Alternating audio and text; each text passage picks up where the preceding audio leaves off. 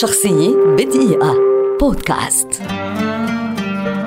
رشا شربتجي مخرجة سورية شهيرة ولدت عام 1975 وتعد واحدة من أبرز وجوه الإخراج الدرامي اليوم ليس في سوريا وحسب بل على مستوى العالم العربي. تتلمذت على يد والدها المخرج السوري هشام شربتجي في أعمال كوميدية عديدة حتى أخرجت أول أعمالها الخاصة بعنوان قانون ولكن لتتوالى بعد ذلك نجاحاتها الإخراجية التي حفرت في أذهان الجمهور السوري لما فيها من واقعية وتصوير خام للعلاقات الاجتماعية في زماننا الراهن.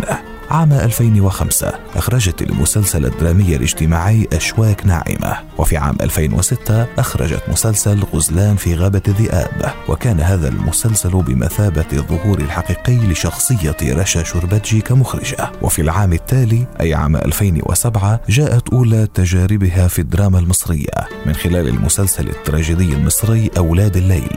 ثم جاءت عام 2008 تجربتها المصرية الثانية مع الكبير يحيى الفخراني فأخرجت المسلسل الدرامي الاجتماعي شرف فتح الباب لتتوالى بعد ذلك الأعمال السورية والعربية التي لاقت نجاحا كبيرا ومن أبرزها نذكر ابن الأرندلي زمن العار يوم ممطر آخر الولادة من الخاصرة شوق تخت شرقي أسعد الوراق بنات العيلة طريق وحارة القبة.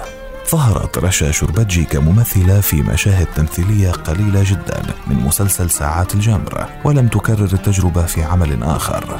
ويسجل لرشا المخرجة بأنها ساهمت في إغناء الدراما وبالأخص السورية بالوجوه الجديدة الشابة والموهوبة. شخصية بدقيقة. بودكاست.